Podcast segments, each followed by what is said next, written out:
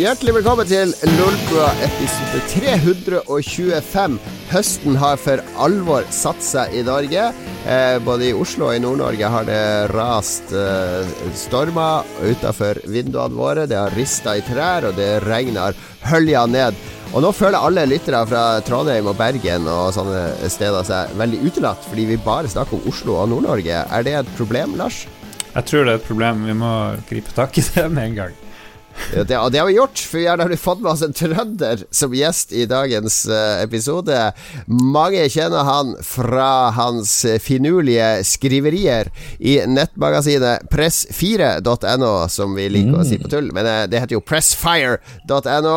Det er ikke Jarle, det er derimot Erik Fossum. Velkommen skal du være. Jo, takk for det. Hallo, hei, hei. Woho! Godt å prate med deg. Lenge siden sist. Ja, det er mange, mange, mange sekunder siden sist. Det blir veldig internt. veldig internt Vi spilte opp spillrevyen rett før det her, så det er back to back, som det heter på, eh, på produksjonsspråket. Men er det grunnen til at jeg får bli med her nå? Er det fordi at Trondheim er midt mellom Harstad og Oslo? Uh, ja, det er ikke midt mellom, uh, hvis vi ser rent geografisk på det, Erik. Nei, så det feila du allerede der. Ja, unnskyld. Nei, men Trondheim er eh, For meg så er Trondheim Det er en by jeg veldig, jeg veldig sjelden har besøkt. Jeg har vært mye mer i Bergen og andre steder i Norge enn i Trondheim. Ja. Uh, jeg tror jeg har vært i Trondheim to ganger, eller noe sånt. Oi. Pluss uh, Scandia Cup. jeg har vært med i Scandia Cup uh, mange ganger, faktisk, så det, det er godt å høre. Det blir jeg overhodet ikke kjenner meg igjen i. Og så er det eh, Trøndere er for så vidt hyggelige folk, så jeg har ikke noe imot Trøndelag. Jeg har mer kjennskap til Snåsa enn Trondheim, strengt tatt. Fordi ja. min gamle annonseselger Bernt, han bodde jo på Snåsa. Bernt Erik, ja. Ja, Bernt Erik. Ja, nei, men uh, Nå er det ti år siden jeg flytta til Oslo, men det er jo flere trøndere i Oslo enn det i Trondheim, føler jeg ofte. Så uh, sånn sett så uh, er det jo nesten den samme byen. Eh. Men er det sånn at du lengter hjem? Altså Lars eh, vil jo ikke bli boende i Oslo. Han måtte jo opp tilbake til nord. Eh, Mats, som også er med her, eh, rett som det, han prøvde seg i Oslo et år. Holdt han ut, så var det tilbake til nord. Jeg vet eh, F.eks. bergensere De blir veldig sjelden boende i Oslo. Mm. De må hjem til slutt. Er det sånn med trøndere òg? Nei, ja, det er sikkert det, men jeg får fortsatt altså Som sagt så har jeg bodd her nesten ti år, og jeg får fortsatt liksom spørsmål hjemmefra. Ja, har du det fint i Oslo? Går det bra i Oslo? Liksom, trives du der? Og det er sånn, ja, Jeg hadde ikke bodd her i ti år hvis jeg ikke hadde trivdes. Så jeg, ja. det er veldig fint å dra på besøk til Trondheim, men jeg tror aldri jeg kommer til å flytte tilbake. Jeg lurer på Tror de at du blir sånn eh, At du ser sånn knivstikkinger på gata? Ja, det, og at du må løpe der, fra gjenger og Det der var et eh, problem med, for mine foreldre da jeg flytta til Oslo. Da var jeg sånn uff, uff, uff, nå har vi mista gutten vår. Nå blir han knivstukket liksom eh, med en gang han lander. en gang han kommer ut, ut av Gardermoen, så det står de der med kniven. Yep. Jeg merker vi har sånn enormt savn og sug etter å prate med en trønder, Jo Cato. Vi har mm. enormt mange spørsmål her. Jeg lurer liksom på hvor deprimert er folk i Trondheim nå? Rosenborg var jo liksom det store laget, men nå er jo det Det er jo lenge siden at de har vært noe sånn her on top. Nå er det jo Bodø-Glimt. Eh, ja. Som ruler vilt osv. Er du noen fotballkar, eh, Erik? Ja, absolutt. Eh, ikke så mye Rosenborg-kar, egentlig. Men du må huske på at Bodø-Glimt har en stor stjerne i Trondheim òg, så det er liksom ikke det er ikke så fælt for, eh, for Trøndelag at Bodø-Glimt gjør det dårlig. Fordi ja. Bodø-Glimt var jo ofte Det var jo feederklubben til Rosenborg i lang tid. Med liksom eh, hele Berg-familien kom jo ned, og eh, Mini Jacobsen og sånn kom jo fra Bodø-Glimt. Ja, ja, ja. Så det var liksom det var godt forhold der. Og så er liksom folk litt sint på Rosenborg, fordi Rosenborg har vært litt sånn dårlig det, etter Nils Arne Eggen slutta, så var liksom eh, ble det, ble det, liksom ikke like bra. Eh, så, så folk sånn liksom savner litt det. Landslagsfotball etter Drillo, liksom. Det ja, og så ser folk kanskje litt den der gamle Rosenborg i uh, nye Bodø-Glimt. Uh, så det, jeg tror ikke det er noe som tåler blod der. Det er mer, mer, engelsk fotball for min del. Da er det Hull City som er mitt lag. Hull, av alle ting. Ok. Yes. En annen ting jeg lurer på med trøndere og Trondheim, er jo at de er jo veldig kjent for uh, trønderrocken mm. og, og, det musikalske. Men der har du jo sånn som Åge og DDE og, og DumDum Boys mm. og alle disse storhetene. De er jo 60 pluss, så å si alle sammen. Hva er det nye, freshe som har kommet fra Trondheim? Er det noe jeg ikke har fått med meg? Jeg føler at det, det er bare gamlinger. Altså det, det, er ingen som har tatt opp uh, arven etter disse store. Nei, og det er det jo ikke. Så det Nei. er jo egentlig svaret på spørsmålet ditt. Det er jo at uh, om 10-20 år, når Åge endelig pakker snittveska, så er det liksom Da er det ikke noe mer, da. Trønderrocken. Da må Rockheim må flyttes, da. Identifisere, ja, det, det... identifisere trøndere seg mer nordover eller sørover, føler du, sånn kulturelt? Mm, nord og sør. Jeg tror det er en sånn Du må, du må svare for absolutt alle trøndere. Ja, det, jeg kjenner jo at det blir stilt opp til veggs nå, men eh, ja. jeg føler at trøndere eh, identifiserer seg som trøndere. Okay. Fordi det er, er det ingen som vil Alle sammen humrer litt eh, nordover, og så rister de på hodet nedover er det obligatorisk for trøndere hvis man er på fest? Eh, hvis du er en ensom trønder på fest, og så noen setter på DDE, så må du synge med. Ja. altså, da må du være det, Du må ja, ikke slå ja, på brystet. Og alle trøndere kan E6 eh, Altså, det, det, spiller ingen rolle hvem du spør. Alle sammen kan E6. De kan, den. kan de den vibrato nå? Nei, E6! Ja. Hvordan går det? Navnet mitt er Bjarne! Bjarne! Hvordan går det med Bjarne Brøndbo akkurat nå? Nei, det går sikkert fint med Bjarne. Nå jeg, jeg føler det er lenge siden jeg har hørt noe fra det, det heldigvis.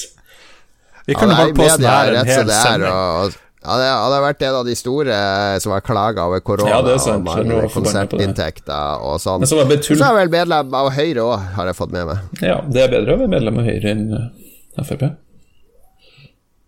Det er det. All right, eh, vi må inn i våre faste spalter. Veldig hyggelig å ha en trønder med. Eh, det har vi fylt. Da kan vi krysse av på den kvota, Lars. Vi må ha med en bergenser òg i år, så har vi dekket alle landsdelene. Eh, vår første spalte er jo som vanlig om det har skjedd noe siden sist, eller om man har tenkt noen finurlige tanker siden sist. Jeg ser at jeg og Lars Vi er ganske Vi har så lite som har skjedd, så da skal vi snakke om været. oi, oi, oi. Men du, været har jeg ikke, jeg har ikke merka været siden februar. Har jeg sittet, inne? Jeg kan, ta, ja, jeg kan ta det først. Jeg sitter jo mye inne òg, men nå har jeg jo fått ny jobb og driver og sykler til den hver dag. Og det har vært oh. veldig fint nå om høsten. Fine høstdager. Eh, altså Skulle jeg torsdagen, så hadde jeg egentlig ikke trengt å dra på jobb, men så hadde jeg vært så dum og booka service på min uh, nye elsykkel, sånn tremåneders service, for å sjekke bremse og litt uh, ting og tang. Og den torsdagen var jo da restene av den der store stormen i nord kom til, til Oslo. Mm. Fordi da åpna himmelen seg, og det bare var som å stå under en dusj. Og da måtte jeg ut og sykle, for jeg hadde time klokka ti med den sykkelen. Så jeg var så våt når jeg kom til Majorstua, til Spinn sykkelshop der, med den sykkelen. Eh, det er sånn Så våt har jeg ikke vært siden Jeg kan ikke huske det. Jeg var gjennomvåt, rett og slett, til mm. skinnet. Mm. Og så leverte jeg sykkel. Tenkte jeg det tar sikkert et kvarter, så skal jeg sykle hjem igjen og dusje, og så ha møte klokka tolv. Uh, som jeg måtte rekke. Men nei da, den kommer inn i sånn kø, så vi sender deg SMS når den er ferdig. Og så bare oh, Jesus lord. Uh, så da må jeg ta T-banen hjem. Jeg hadde heldigvis med meg munnbindet mitt. Og så kommer jeg opp til T-banen, og så er det ja, Nå har det regna så mye, så nå er det signalfeil på Tøyen. Så nå går ikke T-banen. Det står jo 10 000 folk på plattformen og venter. Så det er bare Ja ja. Da ble det drosje da hjem, som jo koster 530 mm. kroner for å ta en taxi i Oslo på dagtid opp til meg. Eh, men heldigvis så har jo Ruter sin reiserefusjonsordning, så jeg tok bilde av eh, kvitteringa med en gang og sendte inn der. Og et par dager etter så kom svaret. Ja da, de pengene får du tilbake. Så det var jo yes. litt sånn gladnyhet i alt det triste og våte. Men uh, fytti grisen, sånn Den der det er liksom Du føler deg levende òg. Det tror jeg du også kjenner når det er høststorm utenfor. Altså, jeg følte meg litt sånn levende når jeg står søkk våt på Majorstua, regnet plasker ned på meg, og jeg kommer meg ikke hjem. Jeg følte, meg, følte litt som jeg var med i der, eh, den TV-serien, Lars. Den der på Amazon Prime. The, the Greatest uh, The World's der, Toughest Race. The World's Toughest Race. Nå, nå vet jeg altså de føler seg ute i jungelen når ja. de skal gå 20 mil. Ja, nei, jeg, Vi er jo så skjerma for vær og vind som voksne. Som barn da blir vi tvunget ut av foreldrene våre. Mm. Må du være ute i fem timer, ikke komme tilbake. Nå skal foreldrene ha ro og fred. Og så måtte man bare finne på noe ute. Og da, Tror du foreldrene egentlig skulle ha sex når de gjorde det? Ja, Nå må dere er ja. ut i en time. Døren er låst, ikke kom inn. Ikke kom inn på to og et halvt minutt. Ja. Nei, jeg har jo òg opplevd eh, årets første høststorm. Og, eh, ja, nei, det, er jo, det er jo litt deilig, men det er litt sjokkerende. Så plutselig er alt mørkt. Plutselig skal det blåse hele tida. Det er litt sånn åh, gud. Og så kan vi jo ikke reise noe sted pga. korona, så jeg føler meg litt fanga, her i Nord-Norge. Men så hører jeg historier om sånne forferdelige ting i kollektivtrafikken i Oslo, og så tenker jeg åh, slipp i hvert fall det, da. Du Det bruker jo å dra til Mallorca, gjør du ikke det, når det blir eh, kaldt oppe i nord? Jeg gjør det. Mallorca, drar til. Las Palmas osv. med pensjonister. Nei, men eh, jeg vet ikke. Jeg, jeg bruker ferdig til Sverige, til broderen, og der er det litt sol, i hvert fall eh, midt på vinteren. Så uansett, har ikke noe mye gøy å fortelle. Erik, hva har skjedd siden sist? Det er jo sikkert Siden det er den første gangen jeg har vært med, så eh, Ja. da starter vi det herrens år 1980 Nei, Begynner med dinosaurene. ja, du mener jeg fra så langt tilbake? Jeg husker Det er jo en artig vits i 'Hjelp, vi flyr', eller hva det heter. Hva, har skjedd i det siste? Nei, det var noen dinosaurene. da. Eller 'Hvordan kom vi hit?' Jeg husker ikke. Ja, ja. Fortell noe interessant, Erik. Nei, altså Nå, fortell noe interessant. Jeg har jeg har jo spilt en god del Dota 2 eh, i det siste, og eh, i går så, så ble jeg rett og slett skjelt ut av en russer så til de grader Ah. fordi jeg ikke var fra Russland. Hva tenker du om det? Altså, hvorfor skal noen bli sint på meg for at jeg ikke er fra Russland? Så da, da fikk jeg en litt sånn eksistensiell krise. Da tenkte jeg Hva at det hadde feil. det hadde hjulpet at du var fra Russland? Hadde du stinka mindre i spillet da? Eh, Jeg går ut fra at han er sint fordi at du ikke spiller bra i utgangspunktet? Ja, det er jo sannsynligvis det. Men eh, det var fordi jeg var fra Norge, da. Og han mente at Norge, det var liksom Det var Russland, det. Oh no. ja. Ja vel. Så blir det sånn Ukraina all over again. ja. Så jeg var litt, jeg var litt redd. Låste døra ekstra godt da jeg gikk og la meg. Nei, det har ikke, det har ikke skjedd så fryktelig mye eh, i det siste. Vi har jo, vi i Pressfire har hatt hjemmekontor siden 1. februar, eh, og har fortsatt hjemmekontor. Så eh, livet mitt er liksom en, en eh, Det er totalkollaps i livet mitt. Og eh, jeg har bare forfalt som menneske helt og holdent eh, det, siste halvåret. Så eh, jeg har egentlig ikke gjort noe som helst. Jeg er verdens kjedeligste person for tida. Ja. Men har du, har du kone og barn? Er du singel? Hva er det som skjer der? ikke kone, ikke barn, og er veldig singel. Eh, Ja. Så det Jeg, jeg har hørt rykter om at du aldri har spist eh, Eller spiser fisk, Erik. Er det noe du har prøvd nå under korona, for å liksom eh, komme ut av kjedsomheten og prøve nye ting? Jeg har spist fiskegrateng i går, jeg. Så det gjør det? Jeg spiser absolutt fisk. Ja. Vi er jo veldig på det der å forbedre oss og være bedre mennesker og sånt. Ja, det er jeg helt Altså, uenig i. Totalt uenig. Ja. Du er helt på helt rett plass. Her har vi masse gode tips. NTNU, du er jo fra Trondheim. NTNUs sju ukers bli i Jeg form-program. har hørt, uh, hørt rykter om den der sjuukersgreia. Men uh, jeg har, det har faktisk vært en greie. De siste sju ukene til meg har vært uh, total kyllingdiett for min del. For jeg innså at jeg kan faktisk ikke sitte her og bli tjukkere og tjukkere noe mer. Så eh, det har gått bra. Men jeg, har bevisst valgt vekk den der NTNU-dietten fordi dere er oppe og snakka om det. Yes. Ja vel. Jeg føler du er nå under Lolbuas vinge her, så nå skal vi passe på. Mm. Få løfte deg opp i enorme fysiske Ja, og, og vil du være litt uh, lubben og, og, og tjukk, så er du i godt selskap i Lolbua. Vi har flere, flere litt overvektige redaksjonsmedlemmer, så det er ingen, ingen skam her. Ja, men jeg, jeg, jeg er godt, godt med det. Jeg kan bidra godt på vektskåla. Jeg blir ikke bare tungen på vektskåla, jeg kan bli både vom og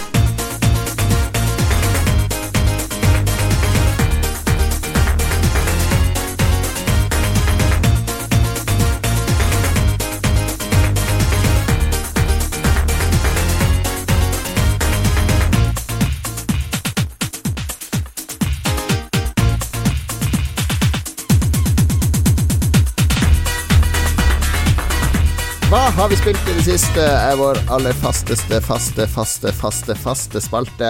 Uh, som har vært med helt siden start. Og uh, det er jo litt av livsnerven i Lolbua er jo at vi spiller dataspill, og uh, formidler videre til dere lyttere våre inntrykk av dataspillene vi har prøvd. Og vi kan begynne med deg, Lars. Du har besøkt rett og slett Nord-Norge i et norskutvikla spill. Wow. Ja, det, det, er jo Hva du skulle si, Erik? Nei, jeg skal ikke si noe som heter det. Jeg sa wow. God. Wow. Sa wow. Vi handler ikke om Vov nå. Nei, jeg har dratt til eh, Nord-Norge, til en fiktiv øy som han Mattis eh, Folkestad har lagd. Og det begynner Det, det er en sånn eh, novelle i spillform, vil jeg si. Det handler om en ung gutt som eh, bor nede sørpå et eller annet sted. Får hint om at det har skjedd noe med bestefaren i ungdommen hans på en øy. Bestefaren gir eh, hovedpersonen et, et magisk armbånd. Uh, og så vil bestefaren at du skal ta det med deg opp i Nord-Norge. Uh, fullføre et slags kapittel av livet hans som han aldri klarte å fullføre, og så døde han, og så bare er du on your own. Mor di har ikke lyst til å slippe en 17-åring fri opp i Nord-Norge, men du drar nå dit, og så havner du på en veldig idyllisk og vindblåst øy langt oppe i nord, hvor folk prater norsk dialekt, eh, nordnorsk dialekt, hvis du setter på norsk tekst og språk. Og så er det veldig koselig å labbe rundt i litt sånn point and click-aktig eh, tilværelse. Det er veldig moderne point click, du trenger ikke å pointe og klikke så mye, men det er nå det som liksom er bakgrunnen. moderne point and click er uten pointing og klikking? Ja, det er jo nesten ingen som faktisk er point and click mer. Nei. Det er vel uh... er det, men er han søring, han gutten? Si, han bor med mora sørpå, siden hun var litt skeptisk til at han skulle Det er sånn omvendt skepsis. Eh, hva, skal du opp til Nord-Norge? Blir du knivstukket med en gang? ja, det er jo litt sånn. Nei, det, jeg vet ikke hvilket årstall det her er lagt i, for det er telefonkiosker og sånt. Jeg tror det gjør spill vanskeligere. Narrative spill. Ja, nettopp. Narrative spill det kompliseres av at du får mobiltelefonen, for da kan alt løses enkelt. Da kan du bare ringe og melde folk. Men liksom uten telefon, da sliter, da sliter du. Det er jo halvparten av Frasier-episodene. Det går rundt det mangelen av mobiltelefon. Ja, Det er mulig han mister mobilen i starten, for han mister sekken sin i havet. Så det var kanskje det i dag, men det ser noe jævla gammelt ah, ut eh, der oppe. Det er sånn, der, eh, det er sånn forfattergrep òg. Jeg husker jeg tror det var Levi Henriksen. Han hater mobiltelefonen fordi det ødelegger så mye når han skal finne på historier. Mm, ja. Fordi du alltid kan ta opp en mobiltelefon og sjekke ting og finne ting. Og ja. Kontakte folk. Spilte dere det der Milkmade of the Milky Way, det forrige ja. spillet til Mattis? Eh, når, han, når du er personen oppe på fjellet, liksom, og det er litt kyr og det er litt vakkert og vindblåst. Veldig stille og veldig rolig og veldig koselig. Sånn er hele spillet her, egentlig. Du får en veldig ro.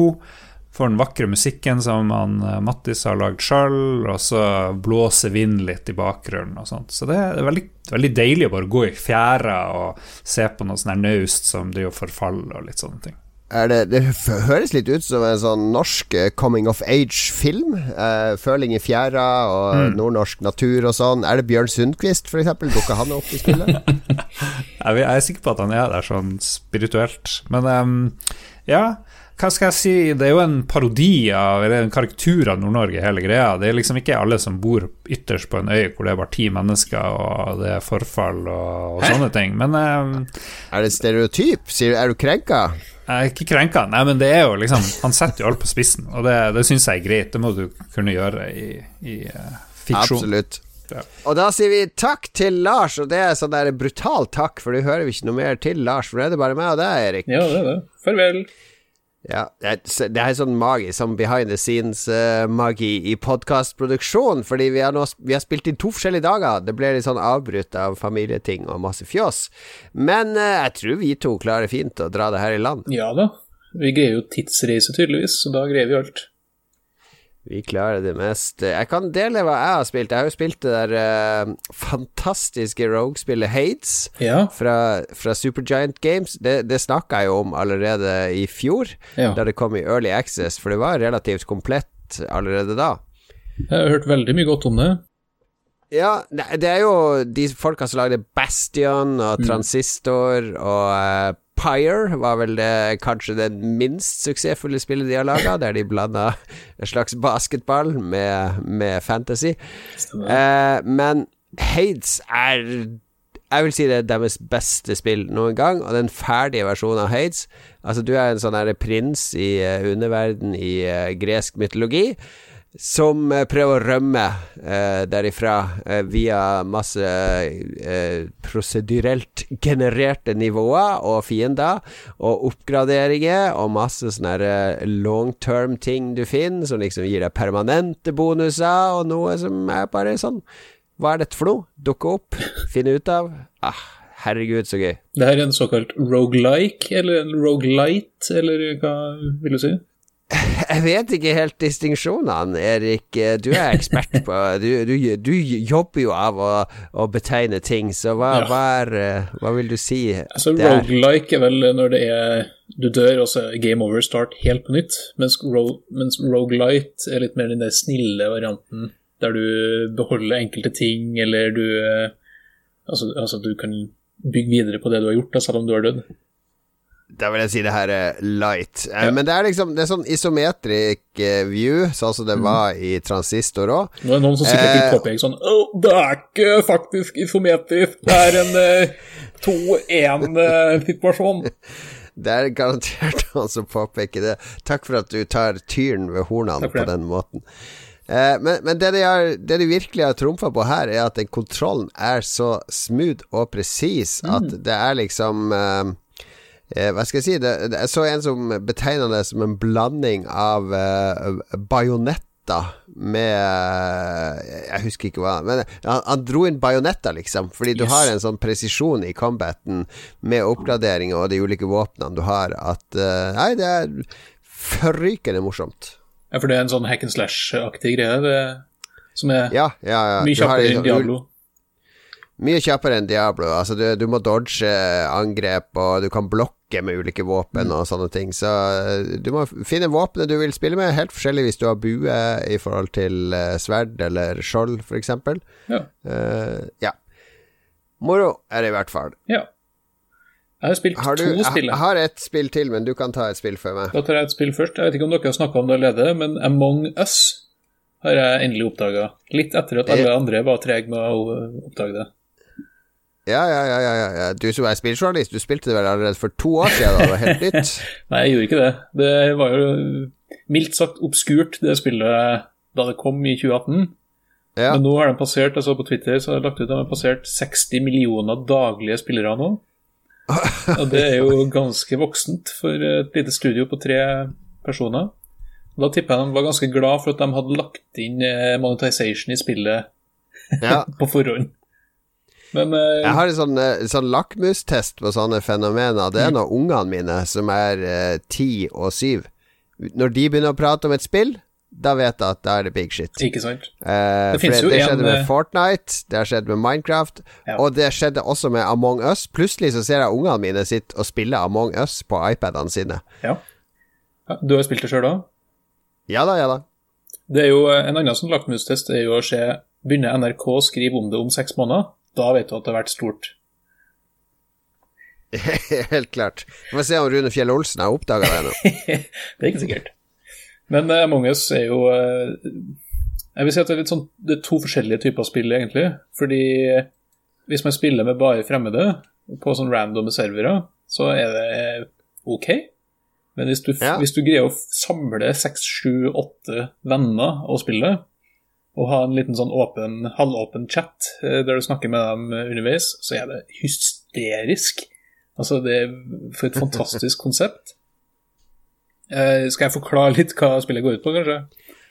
Uh, jeg vet, fordi du har Philip for to episoder siden. Han hadde ja. en lang avhandling om det. Og så kom Mats i forrige episode. Hadde, da hadde han oppdaga det. Altså nå, Du er liksom den tredje ja, episoden på rad der noen har oppdaga spillet. Jeg regner jo med at Lolbua ikke får noen flere lyttere, så det Da har vi tatt vi, vi har ingen intensjon om å vokse. Og vi har også streama Among us mm, ganske mye, faktisk, de siste ukene. Men et Men, spill uh, som dere ikke ja. har streama og som jeg har spilt, det er spillet Terror Squid.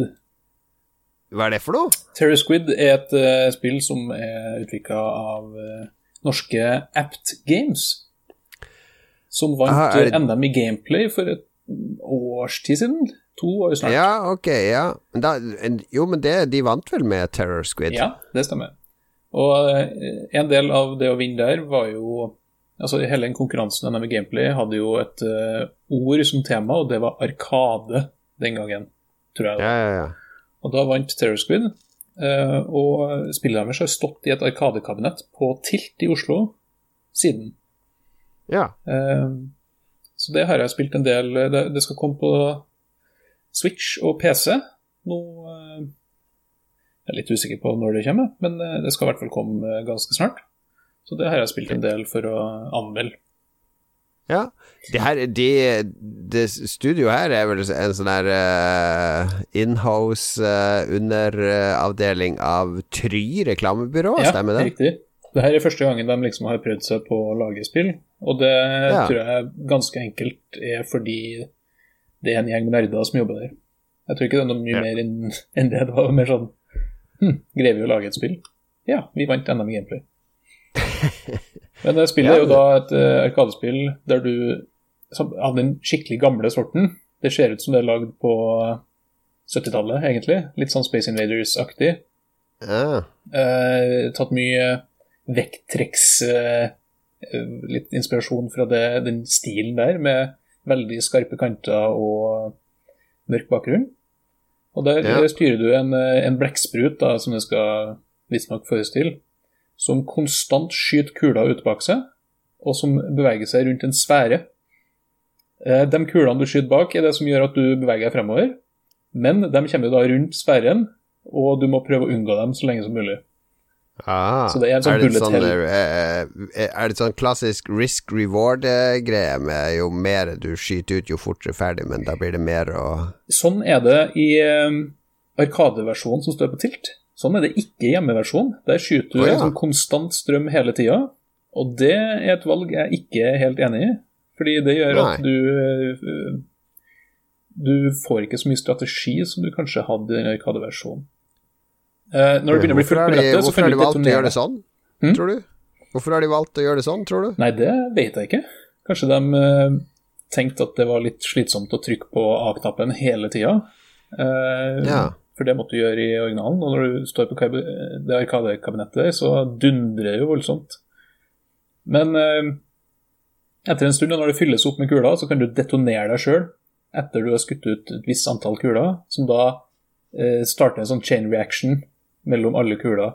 Så skal du prøve å cleare Ja. så mange som mulig, og så fortsetter du.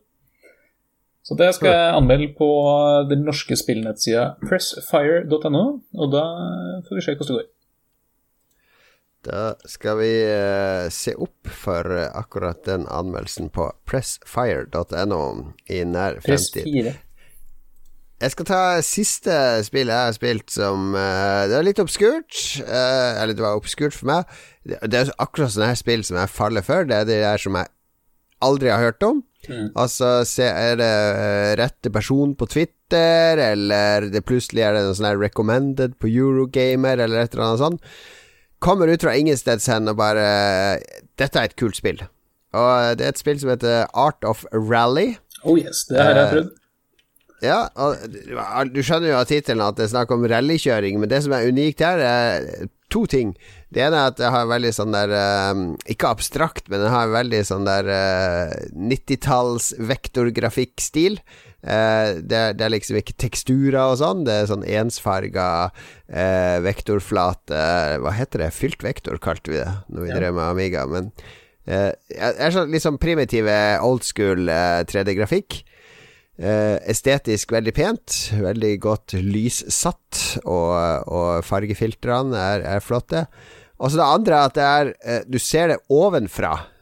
Eh, altså kameraet er høyt oppe i lufta bak bilen din. Mm. Så det er sånn top down racing. Og det er jo helt genialt i et rallyspill der du stort sett skal beregne svinger og beregne fart, og inn, innfartsvinkel på, på svingen, og bremsing, og prøve å sledde deg rundt svingen og beholde mest mulig fart. Og eh, Første banen, andre banen jeg kjørte.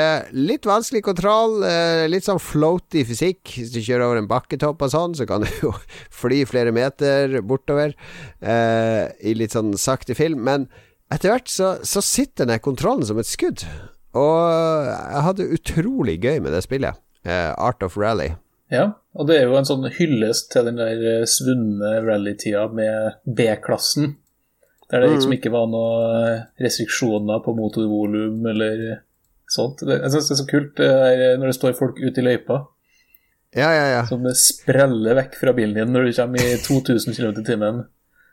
Det... Sånn, sånn kjegleforma folk. Altså, altså har de lagt på en sånn synthpop-soundtrack som bare ligger og durer i bakgrunnen, som jeg ennå ikke har irritert meg over. Det, bare, det føles som uh, en eller annen musikkvideo-dataspill fra 90-tallet som aldri ble noe av. Det passer jo litt fint at du uh, har spilt det spillet òg, fordi det er jo også lagd av bare én person. Yes, er det det? Ja. Soloutvikler her òg? En soloutvikler som har holdt på å putre av gårde på Eh, jeg oppdaga det først på Twitter. Det var en eller annen som retweeta en grev fra der. Og fikk prøvd en tidlig versjon for et par måneder siden. Ja. Og det er et spill jeg absolutt skal sjekke ut. Nei, mye nye spill her nå. Art of Rally, Terror Squid, uh, Among Us, publikumsfavoritt selvfølgelig, og Hades, som nå er ute av Early Access uh, og ute på Steam òg. Det var vel eksklusivt på Epic Game Store en periode. Og norske Embracelet. Herregud, fem spill fra Lolbua. Det her må jo være rekord. Ja.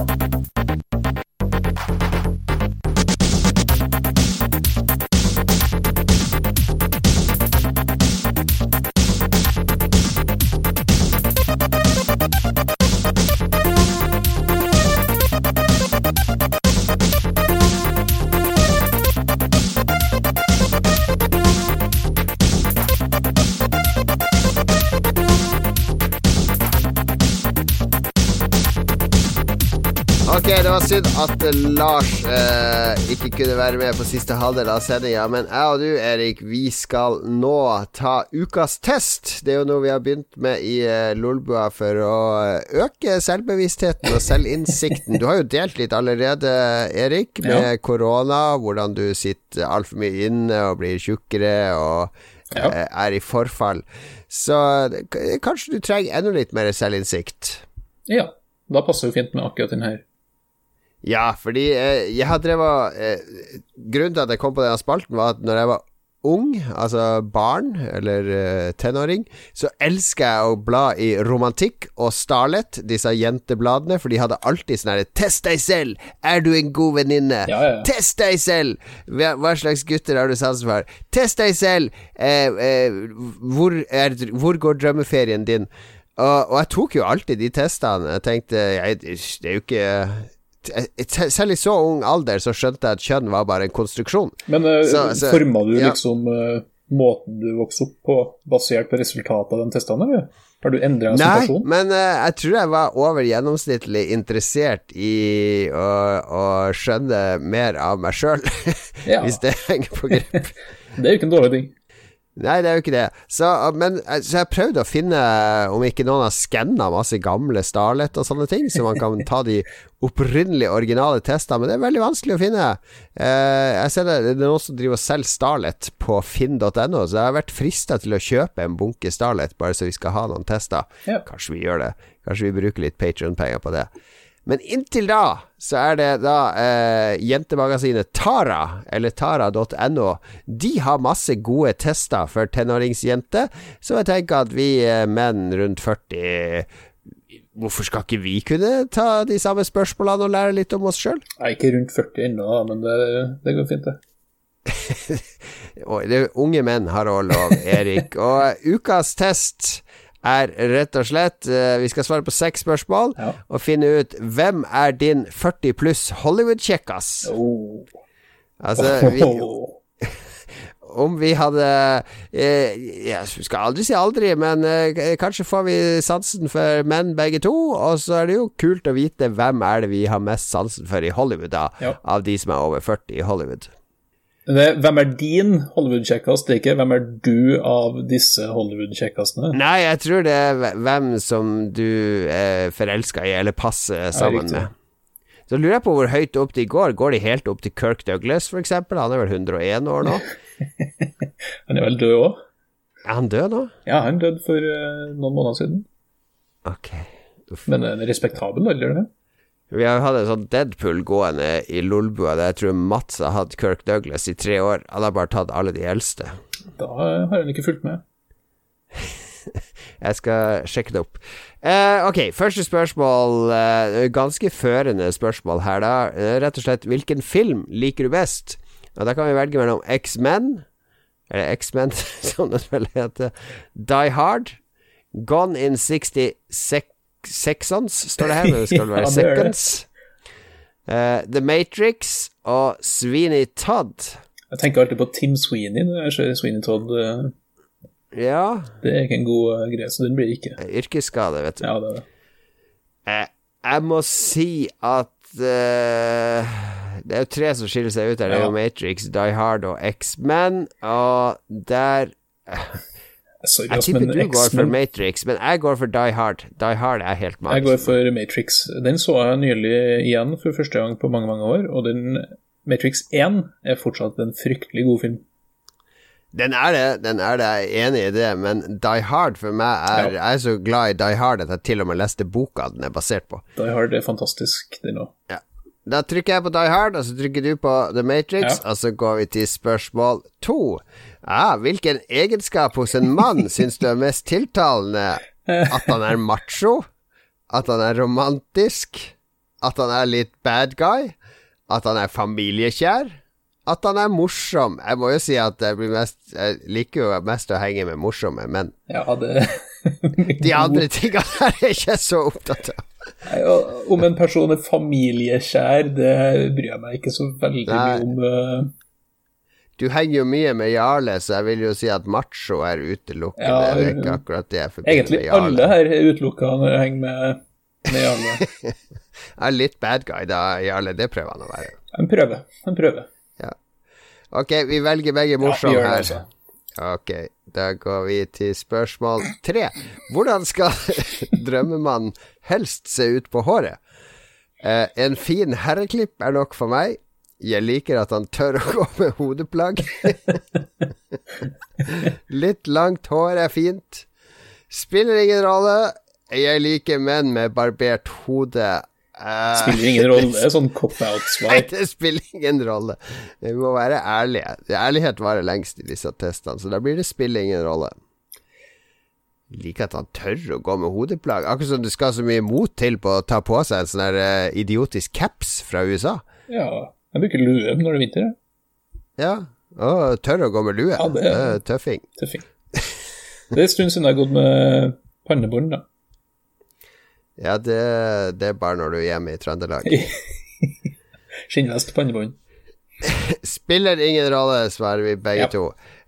Og hva er det ved en mann som kan frastøtte deg? Hm. At han har for nære bånd til ekskona? At han roter med penger? At han er for sær? At han jobber hele tida? At han snakker et annet språk enn meg? Det var jo nesten, nesten rasistisk at han snakker et annet språk enn meg. Ok. Men eh, blir du frastøtt av folk som snakker et annet språk? Jeg tenker å bli frastøtt av det. Hei, snakk norsk! Snakk norsk! Ja. I'm sorry, baby. I, I Står på en restaurant i Spania og roper til kelneren at han skal snakke norsk. Du frastøtter meg, kelner. Nei Nei, at si han er for sær, det tror jeg kanskje er den eh, Om en mann roter med penger, det driter jeg litt i. Og hvis han er nære på Ja. en ekskona, whatever Ja, men hvis jeg Jeg tenker Hvis han roter med penger hele tida Du må drive og betale øl for han fordi han Ja, er blakk verre. igjen og sånn. Men det står bare at han roter med penger, ikke at han uh, sliter med pengebruk eller uh... Ja, men jeg, jeg tolker det sånn at han eh, er litt sånn ufornuftig med pengene, ikke sant. Og har glemt kortet. Erik, kan ikke du betale Ja. disse ølene for meg? jo har jo noen sånne venner. Ja. Men uh, ja, kanskje at Kanskje det, ja. For sær, man kan være snill og sær. ja, sær kan jo være positivt òg, tenker Ja, egentlig. Jeg tror jeg går for pengene, faktisk. Jeg går for snakket snakke et annet språk. Nei da. Det, ok. Da går vi til neste spørsmål. Ja, hvor vil du helst bo? Frankrike? Australia, Canada, Las Vegas, USA. Det er viktig å påpeke at det var i USA. Ja. Eller Idaho, USA. Jeg tror det er bare fem å velge mellom. Altså, jeg tror det er fem, menn. Ja, det er ganske åpenbart hva som dukker opp her. Eh. Men her tar jeg Canada. Jeg liker ikke Jeg har vært i Canada et par ganger. Eh, Det føles som eh, Egentlig, jeg vil jo aller helst bo i Norge, mm. men det kan vi ikke velge her, så da tar jeg det som ligner mest, og det er Canada. Idaho utgår. eh, Australia utgår. Frankrike utgår. Men her er greia at Las Vegas Du kan ikke jo bo i Las Vegas. Las Vegas er utrolig gøy å reise til. Nei, det blir eh, Det blir Las Vegas. Ok, ok. Siste spørsmål. Hvilket yrke hadde vært mest interessant at din svigermor hadde hatt? Ok, min svigermor. Jeg vil helst slippe å ha en svigermor å forholde meg til. Bankdirektør, danser, klesdesigner, restauranteier. Svigermor som er danser. Hmm. Jeg går full ego her, tenker Hvis hun er restauranteier, det er en bra restaurant, ikke sant, så kommer man dit for billige, gratis måltid og sånn, så jeg, går for det. Men samtidig bankdirektør, da er det masse cash i banken, da. Ja, men hun er jo bare en direktør Hun er- jobber jo bare under et styre. Hun kan jo bli, miste Ja. jobben og ja, Nå vil jo en Hollywood-kjekkas ha ganske mye penger fra før, da. Så ja eh, antagelig. klesdesigner eh, Jeg vet jo nesten ikke hva klesdesign er for noe. Eh, Jeg går for restauranter, altså det er fint. Ok, da Da skal det avsløres hvilken uh, drømmemann eh, vi blir sammen med. Jeg, altså, hvis jeg skifter legning, og hvis, eh, hvis kortene faller riktig, og stjernene står i riktig tegn, og jeg dukker opp, eh, han her dukker opp på en fest som jeg er på, eh, nylig skilt, så kan det hende at jeg blir sammen med Johnny Depp. Da skal vi to slåss, fordi jeg skal også bli sammen med Johnny Depp. eh, ifølge Du òg! Enda to svar som var helt annerledes enn dine. Jeg, jeg hørte at Johnny Depp han røyker sånn 60 sigaretter om dagen, så det tror jeg er sånn drawback med, med akkurat Det Johnny er Depp. synd på Johnny Depp. Jeg har faktisk møtt Johnny Depp, visste du det? Yes. I, uh, når jeg var i, i uh, Eller møtt og møtt. Los Angeles, uh, etere. Jeg hadde leid bil. og Skulle jeg kjøre til en sånn lekebutikk litt uh, utenfor Hollywood, litt nord for Hollywood. Står jeg og venter på rødt lys, kommer det en sånn bil opp ved siden av meg, sånn, litt sånn gammel. Eh, 60-tallsbil, helt svart, med en sånn Jack Skellington-hode på radioantenna. Oi, oi, oi. Og så er jeg bare Yes, det var kult. Så ser jeg inn i bilen, og der sitter Johnny Depp. Ja. Og han stirrer tilbake på meg. Da tenkte han jøss, der sitter Jon Cato Lorentzen. Ja, kanskje han gjorde det. Kanskje han gjorde det. Han vet jo aldri. Nei. Takk til tara.no som lager disse testene for oss. Det er masse, masse tester der. Eh, Jeg har i hvert fall testa fram til jul i Lolbua, så vi skal boltre oss i. Eh, Strikkevestene er tilbake, står der. På det? Yes. Da vet vi det. Vi kan komme med litt sånn tease av hva som kommer fremover av tester. Eh, Det er så mye å velge i her, vet du. Hva er din fysiske alder? Eh, hvor feminin er du? Den har vi allerede tatt. Har du karisma? Det er jeg litt spent på, hvem som har mest karisma i Lolbua. Har du? Eh, er du klar for forandring? Eh, hvor kjøper du klærne? Det er kanskje ikke så spennende. Hvilken slanke-IQ har du? Det aner ikke jeg hva det er snakk om. To. Hva er din dødssynd? Mm. Test deg selv. Er du høysensitiv? Åh, den gleder jeg meg til. Hvem er mest sensitiv i Lolbua, vil du si? Mm, jeg tror Jeg tror det er Lars. Ja.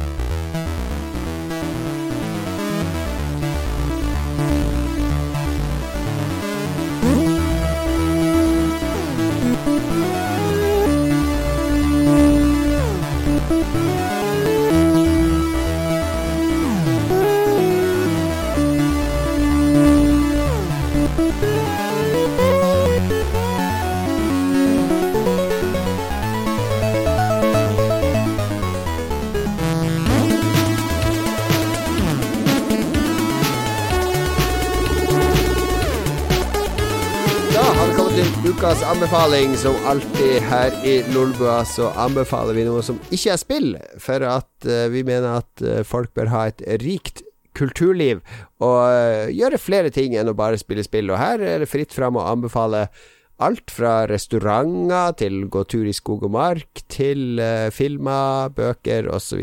Litt kjedelig å si anbefale å gå tur i skog og mark. Ja, men det er sånn Lars anbefaler. Det er ofte Lars ikke er forberedt, så da bruker jeg anbefale eh, eh, ta bilde av ting, eller tannlegen sin i Harstad, eller sånne ting. Eh, desperate ting, Desper rett og slett. Kjøpe nye klær, anbefalte han en gang. Desperate ting fra en desperat mann. Ja, helt riktig.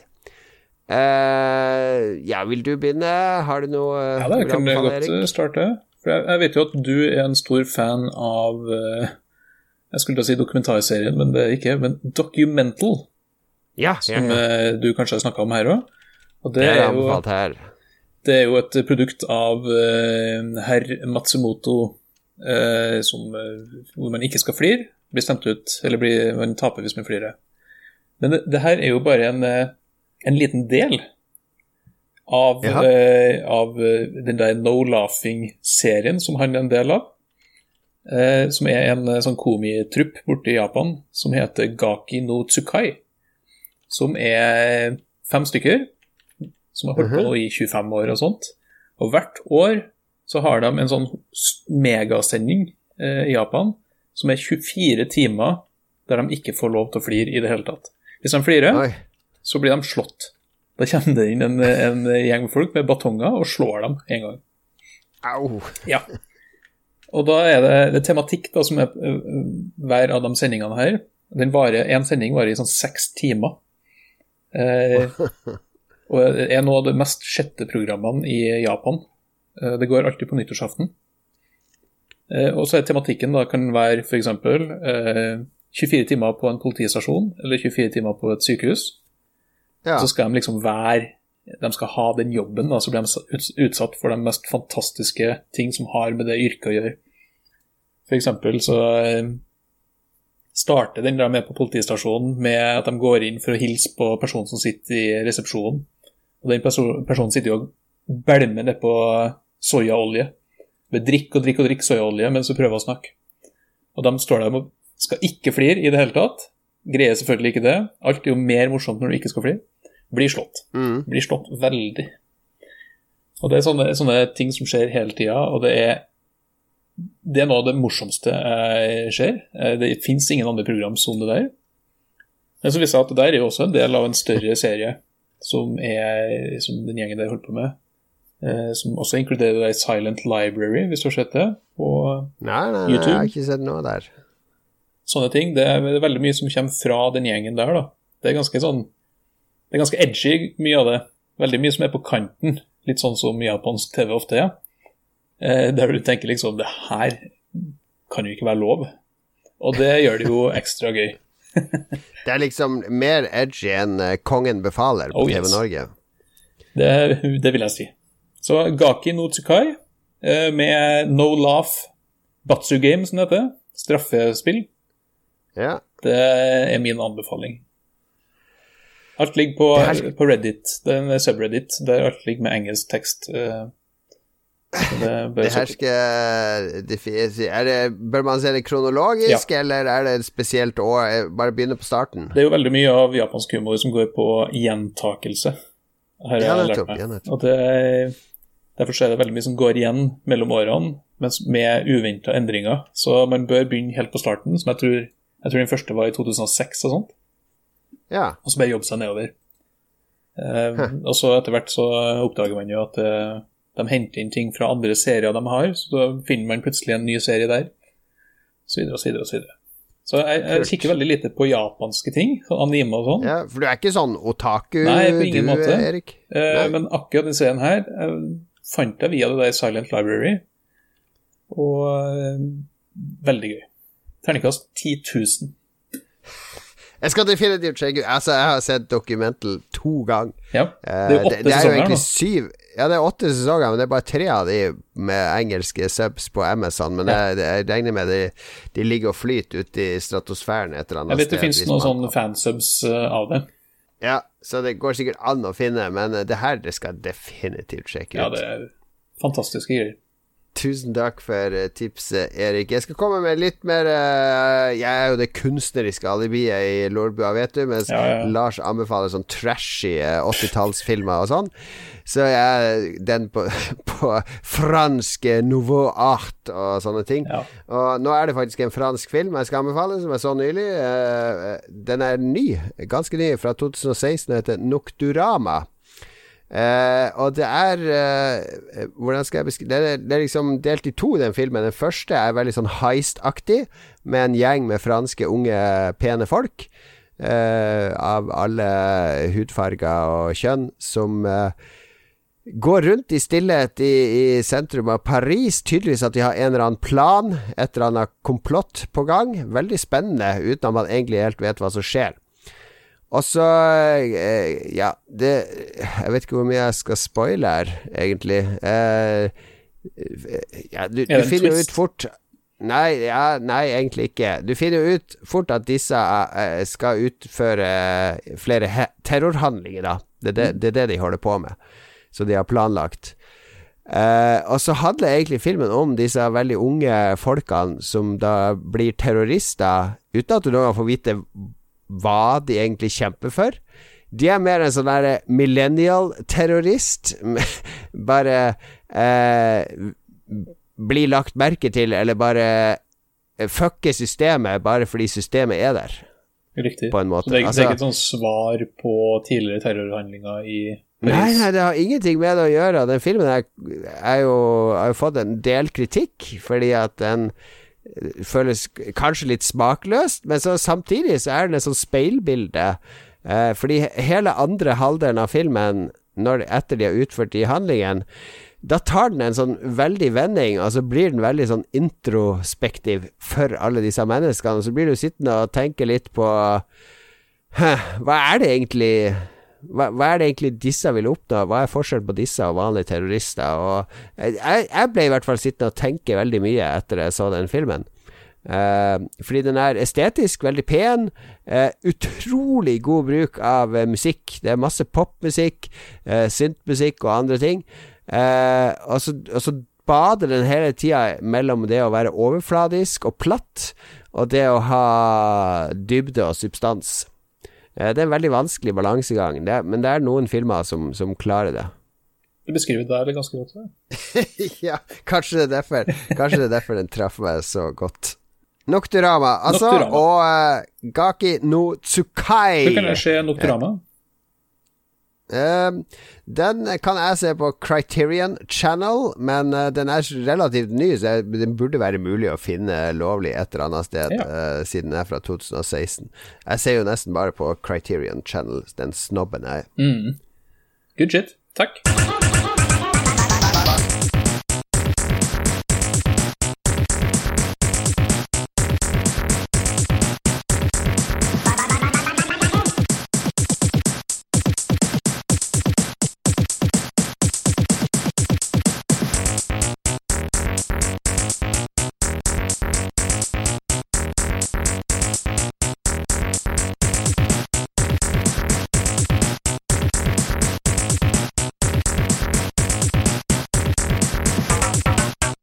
Prøver jo alltid å spille inn Guerrilla-style, bare La oss ta opp Nå! Nå, Lars! Nå tar vi opp. Sånn at vi skal slippe å få inn en masse lytterspørsmål, fordi det er Det kan være litt sånn plagsomt å spare, svare på. Jeg tenker du har det litt det samme med kommentarfeltet på pressfire.no, Erik. Prøver å holde meg unna så mye som mulig, men det må jo liksom modereres òg. Det er litt Ja, men er, du, ikke, er, er du ikke interessert i en god debatt? Jo, veldig interessert i god debatt, men ofte så er det ikke god debatt. Så okay, okay. så langt i år så har jeg måttet utestengt noen folk, gitt. Ja. Det kunne vært verre, da, for jeg har vært en del i kommentarfeltet til deres konkurrent. Jeg vet ikke om jeg skal si navnet på de, men uh, jeg kan si navnet på, på forumet deres, diskusjon.no-forumet. der er det Der kan jeg ikke være Nei. lenge, altså. Jeg tar meg sjøl i å bli sint noen gang, og så tenker jeg er det, er det noe vits i å bruke energi på å bli sint? Nei. Svaret er alltid nei. Det er alltid nei. Eh, vi har fått eh, en del litt sånn rare eh, spørsmål nå, fordi Lars posta Jon Cato hater lytterspalten, så gi han noe å hate. Oi. Det var liksom eh, det han kasta inn til lytterne. Så, så, det er tydelig at de prøver å provosere meg, da. Kanskje de klarer å provosere deg òg. Kristoffer Gettoboys Boys Hansen sier i hvert fall at animasjonsfilmer skal sees på originalspråket. Det er sikkert du enig i, Erik? Det er jeg ganske enig i, ja. ja. Fordi tekst Eh. eksisterer, og jeg kan jo lese. Og ofte så er jo Altså Det finnes jo sånne high budget animasjonsfilmer som gjør om Altså at stemmene passer bedre til andre språk, men ofte så gjør de jo ikke det. Og da passer det bedre med originalspråket som det er tiltenkt. Ja, men Erik, når du har din nevø på seks år Mm. på besøk i Oslo, skal du ta han med på kino, så går du ikke på den engelske Nei, er versjonen av Frost, ikke sant? Det er sant, og det, det kan jeg være enig i. Men eh, hvis jeg tar med min eh, 13 år gamle nevø på kino Ja. for å se animasjonsfilm, da eh, bør han ha spilt nok Police Quest til å ha lært seg engelsk, eller lest norsk. Ja. Jeg, jeg tviler på at han har spilt Police Quest, innen 13 Ja, men jeg sa det. år Det er fordi at, eh, Han, han har sett nok engelsk. YouTube til at han skjønner engelsk. Ja. Det har han nok. Dessverre har det blitt sånn. Jeg har lært meg engelsk på Ja. Police Quest. Jeg var den eneste tiåringen i gata som kunne stave Field Sobriety Test. Ja, men jeg kan si at alle Jeg har, jeg har fått høre fra ganske mange fanatikere, for jeg sier at jeg driter i om det er på norsk eller engelsk, det er samme for meg. Og folk bare 'Hæ, det kan du ikke mer, det skal ses på originalspråket'. Av alle de som kommer med det argumentet, så er det ca. 2% som spilte The Witcher 3 på polsk. Så fuck you guys. Fuck. Men eh, eh, en bøker Ja, nei, da skal du lese Witcher-bøker, du skal lese på polsk. Jeg leste jo Harry Potter på norsk da det først kom, og det gikk helt fint. Ja, og det var også Det er ennå, da vi først var innom det. Der var det også en tråd. Nå kommer Witcher-bøkene på norsk, og så var jeg bare Herregud, de er jo kjempelette å lese på engelsk, hva er vitsen med å ha de på norsk? Dude, de er, de er allerede oversatt fra polsk til engelsk. Ja. Hva er galt med Hvorfor skal de Jeg blir helt gal. Volveren, som det heter. Ja, Volveren. Det er bra oversettelse. Ja, det er en ganske bra oversettelse. En volver Volver. var jo en eh, Volver. heks og sånt, tror jeg. Det er sånn gammelnorsk Ja, ord. Bruk, Vær stolt av språket vårt. Volvoen, som det heter. Volveren i Volvoen. Revolveren. Ok, Guri Lotte Reibo Dahl lurer på hva liker egentlig Jon Cato? Utelukkende sin egen stemme, og til nøds Lars sin? Kjør du hva? Tror du er ganske glad i din egen fiskost òg, ikke? Ja, fislukta mi syns jeg det, Den kunne vært tappa på flaske. Men jeg hater min egen stemme. Jeg klarer, jeg klarer nesten ikke å høre på meg sjøl når jeg skal klippe lolbua. Det, det kan jeg si at jeg elsker ikke den stemmen. Hva syns du at du høres ut som? Jeg syns jeg høres ut som en eller annen frosk med noe Frosk sånt. med halskatar, ja. ja. det er helt Det høres jo jævlig. riktig ut. si, alle, alle har jo sånn forhold til stemmen Ja sin. Ok. Stian Mæland, dere skal i en én versus én deathmatch. Dere kan følgende. Ti okser på størrelse med en svane, eller en svane på størrelse med en okse. Kjør. Klassisk eh, problemstilling. Ja, vi kan enten velge at vi har ti ganske små okser, da. De blir jo som En svane kan bli ganske stor, da. knærne. En svane Eller er ganske en... stor. Og en, Ja, og- eh, en okse er liksom 99% muskel. Ja. Men samtidig så hmm, Jeg går for den store svanen. Ja, tror du den hadde vunnet eh, altså en svane i hestestørrelse mot ti sinte okser i knehøyde? Skal, og er det ikke vi som skal slåss mot deg? her? Eh, jeg tror vi må velge eh, Ja, vi skal slåss mot de greiene her. Ti okser eller en svan. Jeg tenker jo Den der kjempestore svanen har jo Ja, da en har du møtt en svan noen gang? Ja, det har jeg, og de er jo forferdelig store og aggressive til tider. Ja, jeg er jo livredd for en vanlig svan. Jeg jeg møtt en svane på størrelse med en hest, hadde jeg fått infarkt, tror jeg. Men samtidig så eh, ja, Den halsen er jo et ganske svakt punkt, da, kan du jo si. Ja, Så det er en åpenbar liksom eh, hit the weak point for massive damage der. Men eh, ja Nei, jeg vet ikke. Det er et ganske kjedelig spørsmål. ja, jeg hadde jo lagt meg ned for å dø uansett hvem av de jeg skulle slåss med. Ligg der med din egen fislukt. Uff. Adrian Haugen lurer på om vi vil prøve å anskaffe PlayStation 5, Xbox tidligst mulig, eller skal vi avvente litt? Skal jeg svare på det?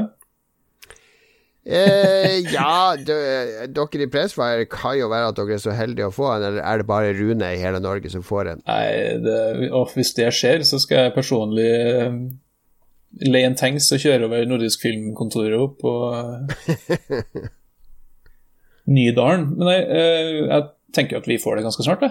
Så det er jo Ja. Det var det svaret mitt, i hvert fall. Du er jo fucked, som har endt opp i mai 2021. Ja, nei, men jeg eh, Jeg er jo blitt sånn PC-spiller. Er Ja. Ungene mine har jo tatt over alle konsollene. Så, så er jeg kjøpte jo Spelunky for å spille på PlayStation, men jeg syns det er så kjipt. Da må jeg sitte bak i sånn hjørne på den lille skjermen til han yngste sønnen min. Eh, får ikke sitte komfortabelt der jeg liker å sitte. Så, eh, så jeg er ikke så opptatt av det. Jeg har jo gjerne lyst til å teste de ut. Altså, jeg tenkte altså jeg teste litt sånn her hvis det blir noen sånne her køgreier på Elkjøp Mm. med PlayStation 5. For jeg regner med de holder igjen noen til butikkene, ja, så de, De kan lage litt Ja, lage litt jippo. Så kanskje jeg skal dra ut og ta en sånn all-nighter og stå ute i kulda og føle Sånn som de ekte, de ekte gamerne, vet Ja, du. de som må lide for spillene. Jeg husker jeg sto i kø for for Wii utafor Ja. Elkjøp på Tiller utafor Trondheim i 20, nei, 2006. Ja, ja, ja. Og det var jo ganske gøy, det. Ja. Nei, jeg, jeg lurer på om jeg skal prøve meg på en sånn på PlayStation. Uh, og Xbox uh, Jeg er blitt så frista av Xbox nå. Det her har vi diskutert uh, off the record, Mm. Erik. Men jeg syns de, den, den blir mer og mer spennende, den konsollen. Så jeg, jeg har lyst på en sånn i syns stua, rett og slett. jeg synes jo konsollen blir mindre og mindre spennende. Men det tilbudet som konsollen har, som jeg da også Ja, ja, kan få på PC, er veldig spennende. Men hvis du har Ja. en skikkelig gaming-PC, så Jeg greier ikke å se hvorfor jeg skal kjøpe en Xbox Series X eh, når jeg kan få bokstavelig talt alle eksklusive spill på PC. Ja, men hvis du har runda Demons Souls allerede, som jeg har, hva skal du med en PlayStation 5? Det kan du si. Eh, det, det er jo alltid litt sånn ved lansering da, at uh, man kjøper potensialet for gode spill, egentlig. Så Ja. det er jo egentlig bare dumme folk som kjøper konsoll på lansering, egentlig. Jeg er en veldig dum person. Vi er, vi er dumme, så vi, vi får Nei, Ja, det, er, nei, det, er jo, skal- det er ganske slankt, altså. Det er det. Det har jo ennå ikke skjedd et eh, Xbox One X-spill kjør på en Xbox One X. Så det er liksom, Nei, det den lanseringa her er liksom bare tredjepartsspill. Ja. Vi får se. Vi spiller Switch. Vi får se. Jeg er litt frista. Jeg er, litt, eh, jeg er blitt uh, frelst av Spencer, rett og slett. Ja. Spencer-frelst. Hans GM lurer på om eh, det er sant at grunnen til at jeg er så sur, er fordi Magnus forlot Lolbua helt plutselig. Uh, nei, det er ikke det. Jeg, jeg prater med Magnus stort sett hver dag fortsatt, så for meg er han uh, i hodet mitt uh, Du har den i en liten kiste, har du ikke det, oppå loftet? ja, jeg har det. Jeg har det. Veldig liten Eh, kiste. nei da, det har, ikke, har ingenting med det å gjøre. Og så har vi Magnus Eide Men Sandstad. du, vent litt, vent litt. Har du et Ja. sånt rykte på at du er sur? Nei, eh, ja, men jeg vi har en sånn gimmick med at jeg hater lytterne og lytterspalten. selvfølgelig. Ja, Men du er jo den snilleste godklumpen som fins i hele landet. ja takk for det, Erik. Takk, si det til Lars. eh, Magnus Eide Sandstad i hvert fall, han lurer på om vi har prøvd Mårud sitt nye potetgull Double Cut. Oi. Det har jeg ikke prøvd, men det, det, jeg må si, jeg, nå googler det. det. Det var så fristende tittel at Jeg, er- Paprika og pepper, ja vel. Det går an å begge deler på.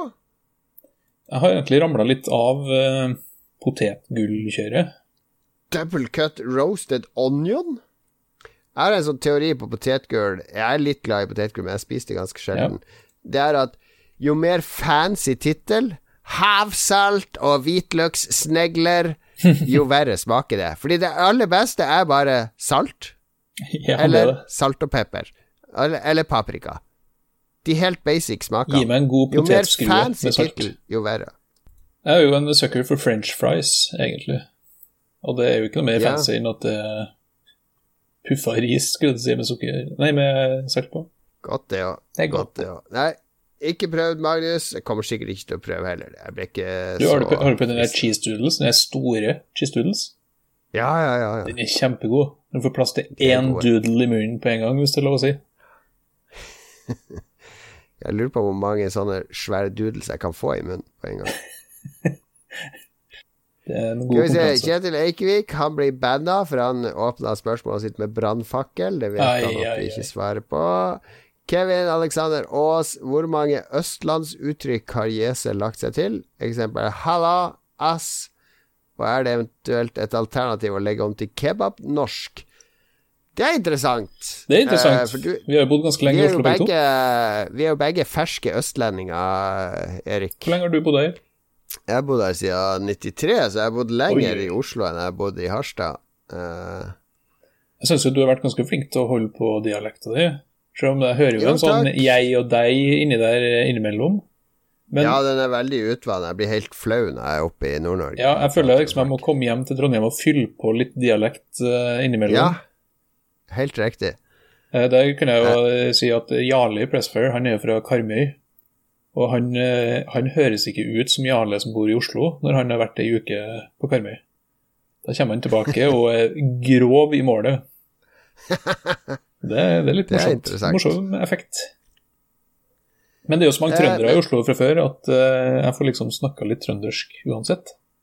Og så er det får du ingen som ikke forstår det. akkurat nok Akkurat nok ved like. Ja. Men om det er noe sånn Oslo østkantuttrykk jeg har lagt meg til Spa og uh, maser som et lokomotiv.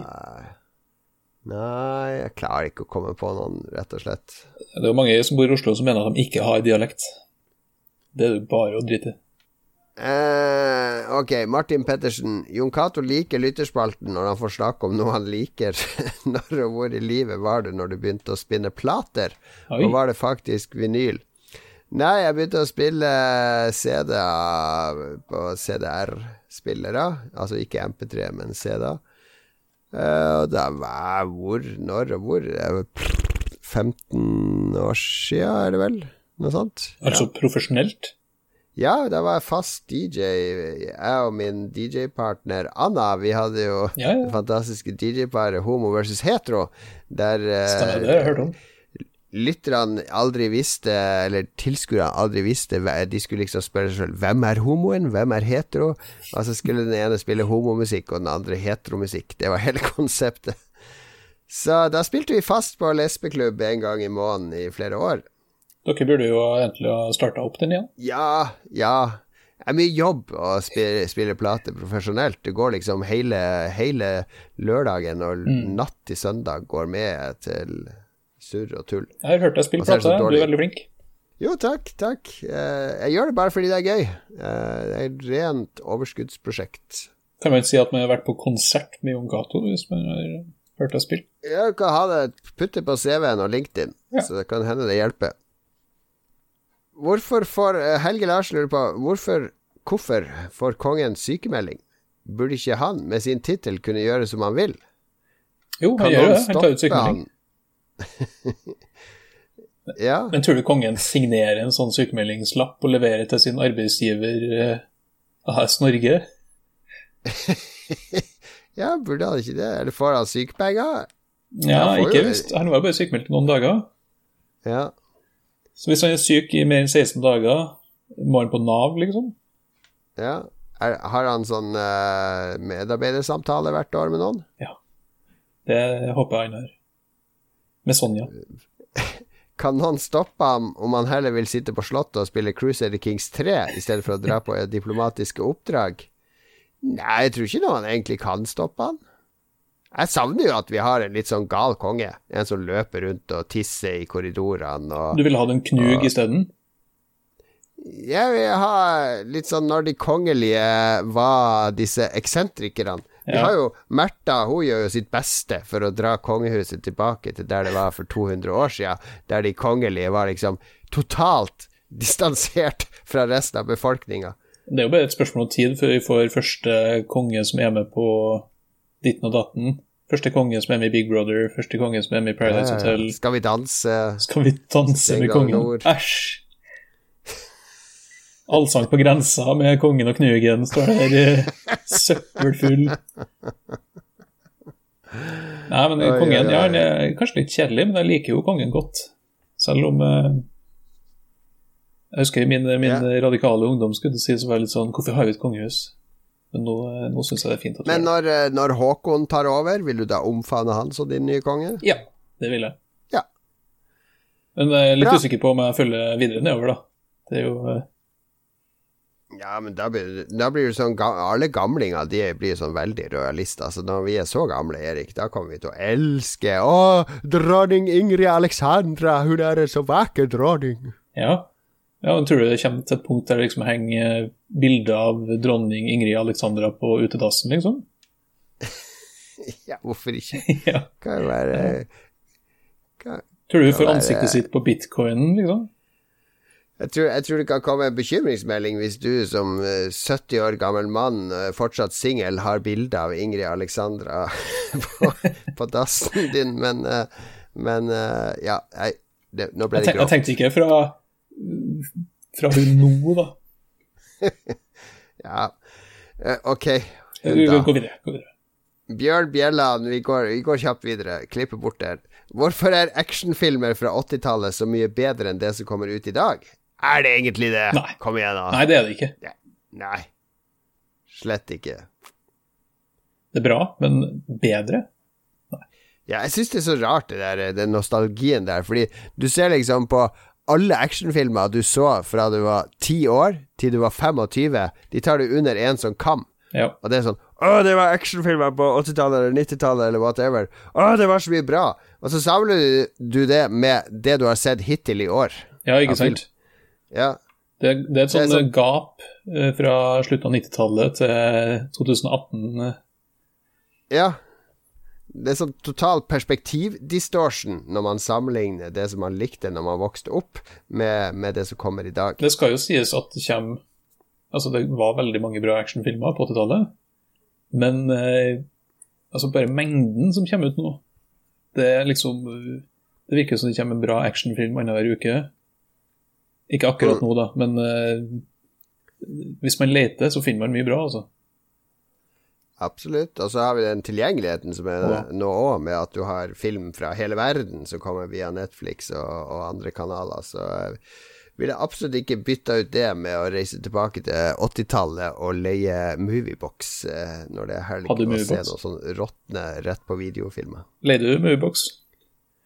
Ja, det jeg var fersk student i Oslo, så leide jeg Moviebox. Da hadde jeg ikke egen video. Så det husker jeg dro jeg på Lennarts video på Skillebekk. Det var den beste, fordi du hadde Video Nova òg, og de hadde bare nye, nyere filmer. Eh, mens Lennarts video, han hadde glemt å sende tilbake filmer. Så hele kjelleren hans var full av masse sånne slitte gamle VHS-er fra tidlig 80-tall og midten av 80-tallet. Så der fant jeg alle mulige sånne skatter, sånne obskure ting. Ja. Og da brukte jeg å leie fire filmer og en moviebox på lørdag, og så hadde jeg den til mandag. Det var mitt eh, Jeg var veldig sosial. Det er den nye Åge-sangen, ikke? Fire, det er den nye Åge-sangene. Fire filmer av Ja. Moviebox. ja. En pose potetgull i ny og ne. Ja. Med double dip, eller hva det heter. Double Double cut. Double cut. Ok, vi må bli ferdig med disse greiene her. Chris Haugland, er det bare jeg som ikke kan fordra layoutet til PlayStation, altså menyene? Hvorfor dukker det opp spill jeg har fysisk på menyene, men som jeg ikke har spilt på et år, når jeg heller vil feste Netflix-appen der, sånn at den er lett tilgjengelig? Helt enig. Eh, altså, jeg syns ikke den er ubrukelig og forferdelig, fordi den er ganske kjapp. Med mindre du skal inn i den der shoppen, da går det sakte.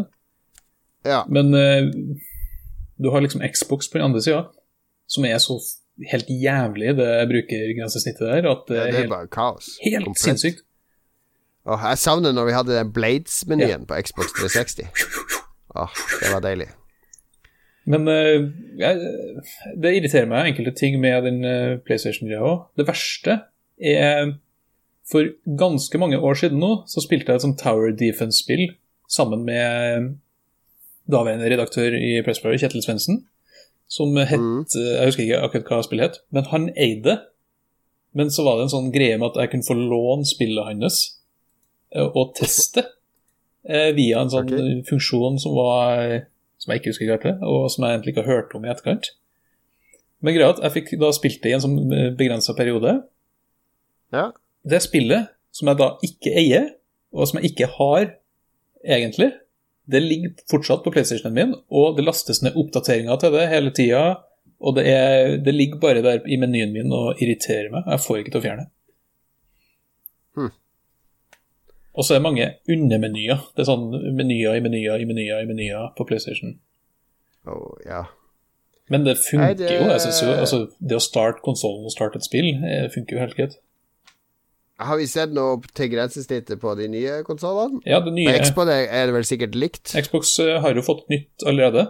Altså hvis du laster ned Jeg tror det er ut nå. Du kan eh, bli med på en sånn beta. Jeg tør ikke å slå på min Xbox One eh, X. Det er tre år siden jeg har vært på. Det det er sikkert så mye oppdateringer. at Hvis du starter nå, så er du ferdig til Series X-lanseringa, sannsynligvis. ja. Jeg tror du kan laste ned liksom den der samme eh, dashboarden som du har på Series X, kan du nå laste ned på Xbox One. Ok. Hvis du er med i et sånt beta-program, som det er ganske lett å signe opp på, tror jeg. Hmm.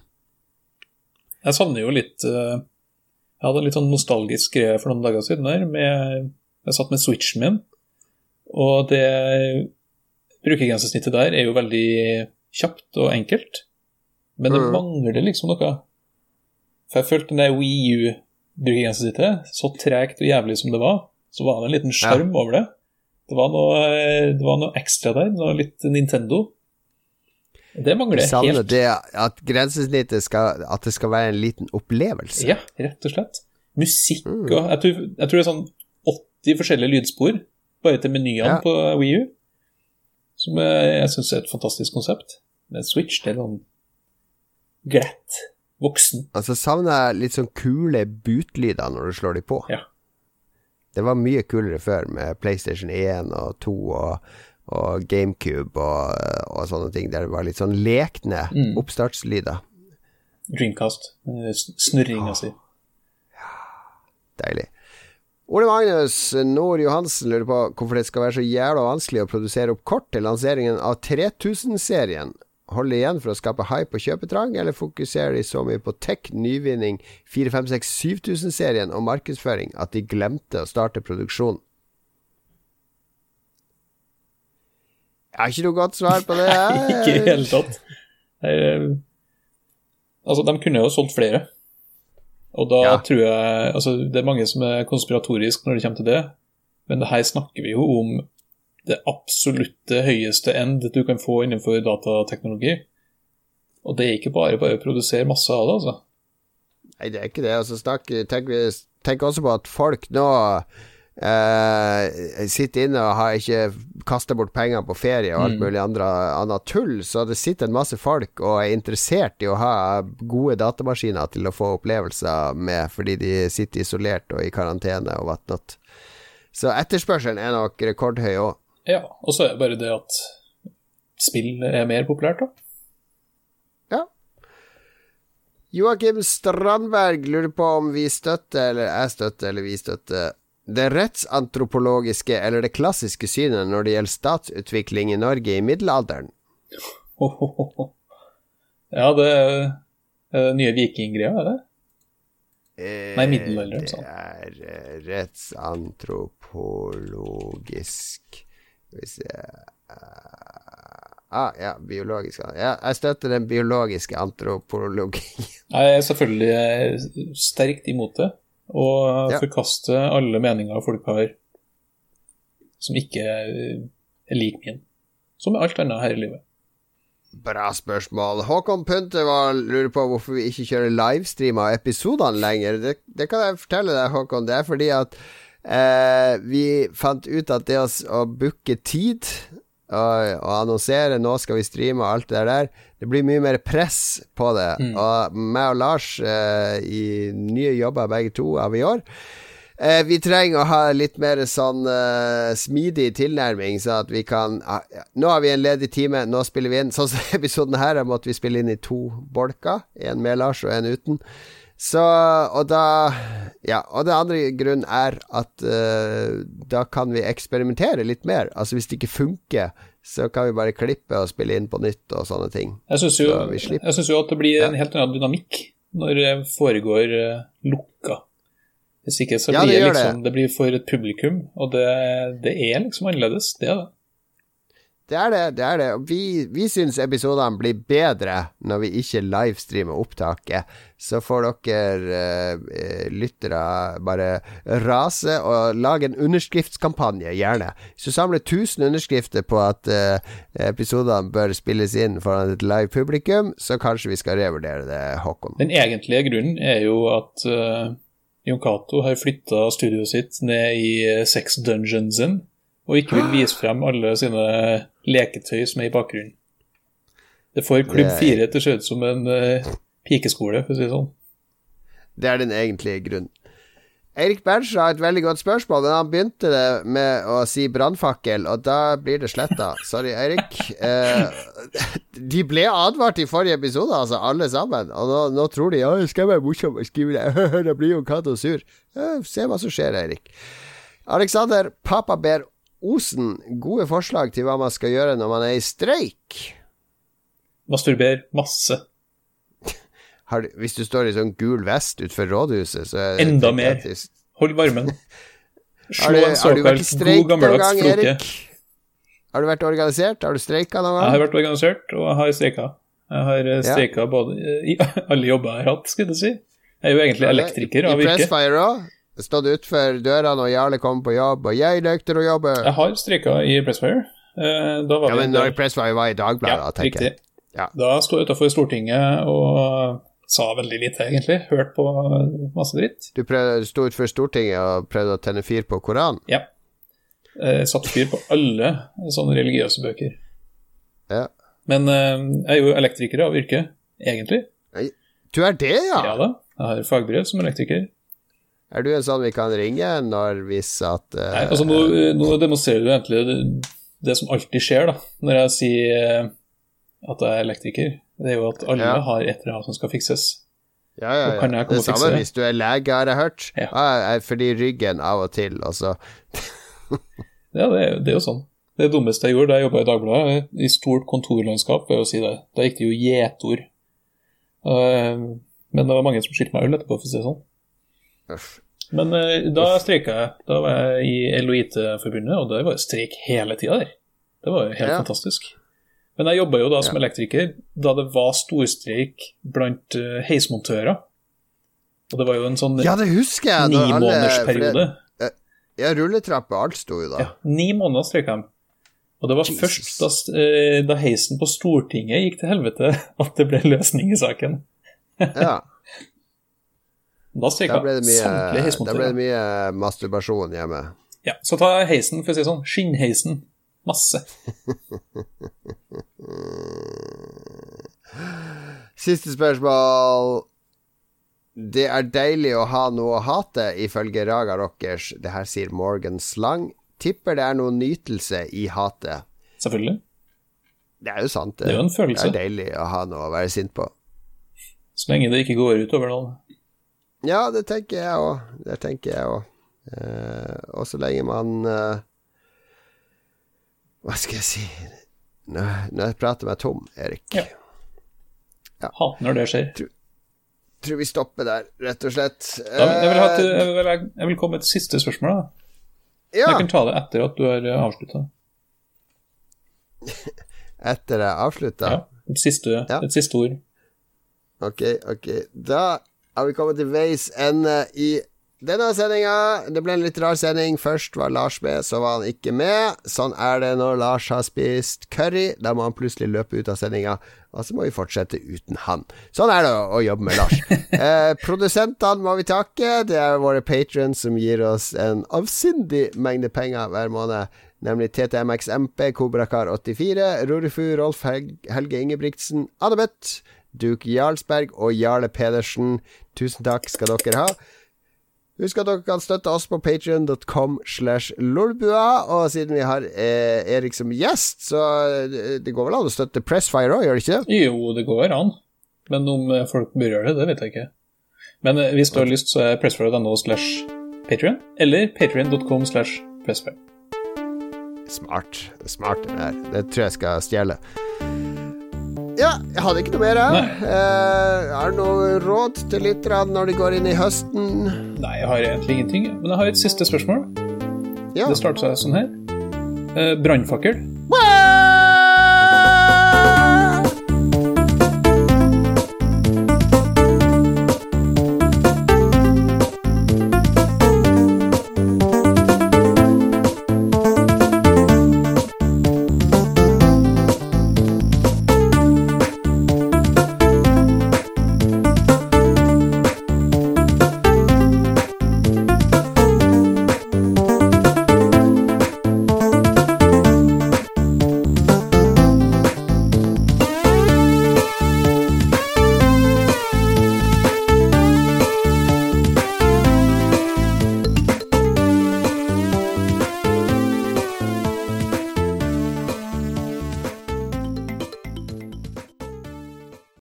Har du et enkeltpersonforetak eller en liten bedrift? Da er du sikkert lei av å høre meg snakke om hvor enkelt det er med kvitteringer og bilag i fiken, så vi eh, gir oss her, vi. Fordi vi liker enkelt. Fiken superenkelt regnskap.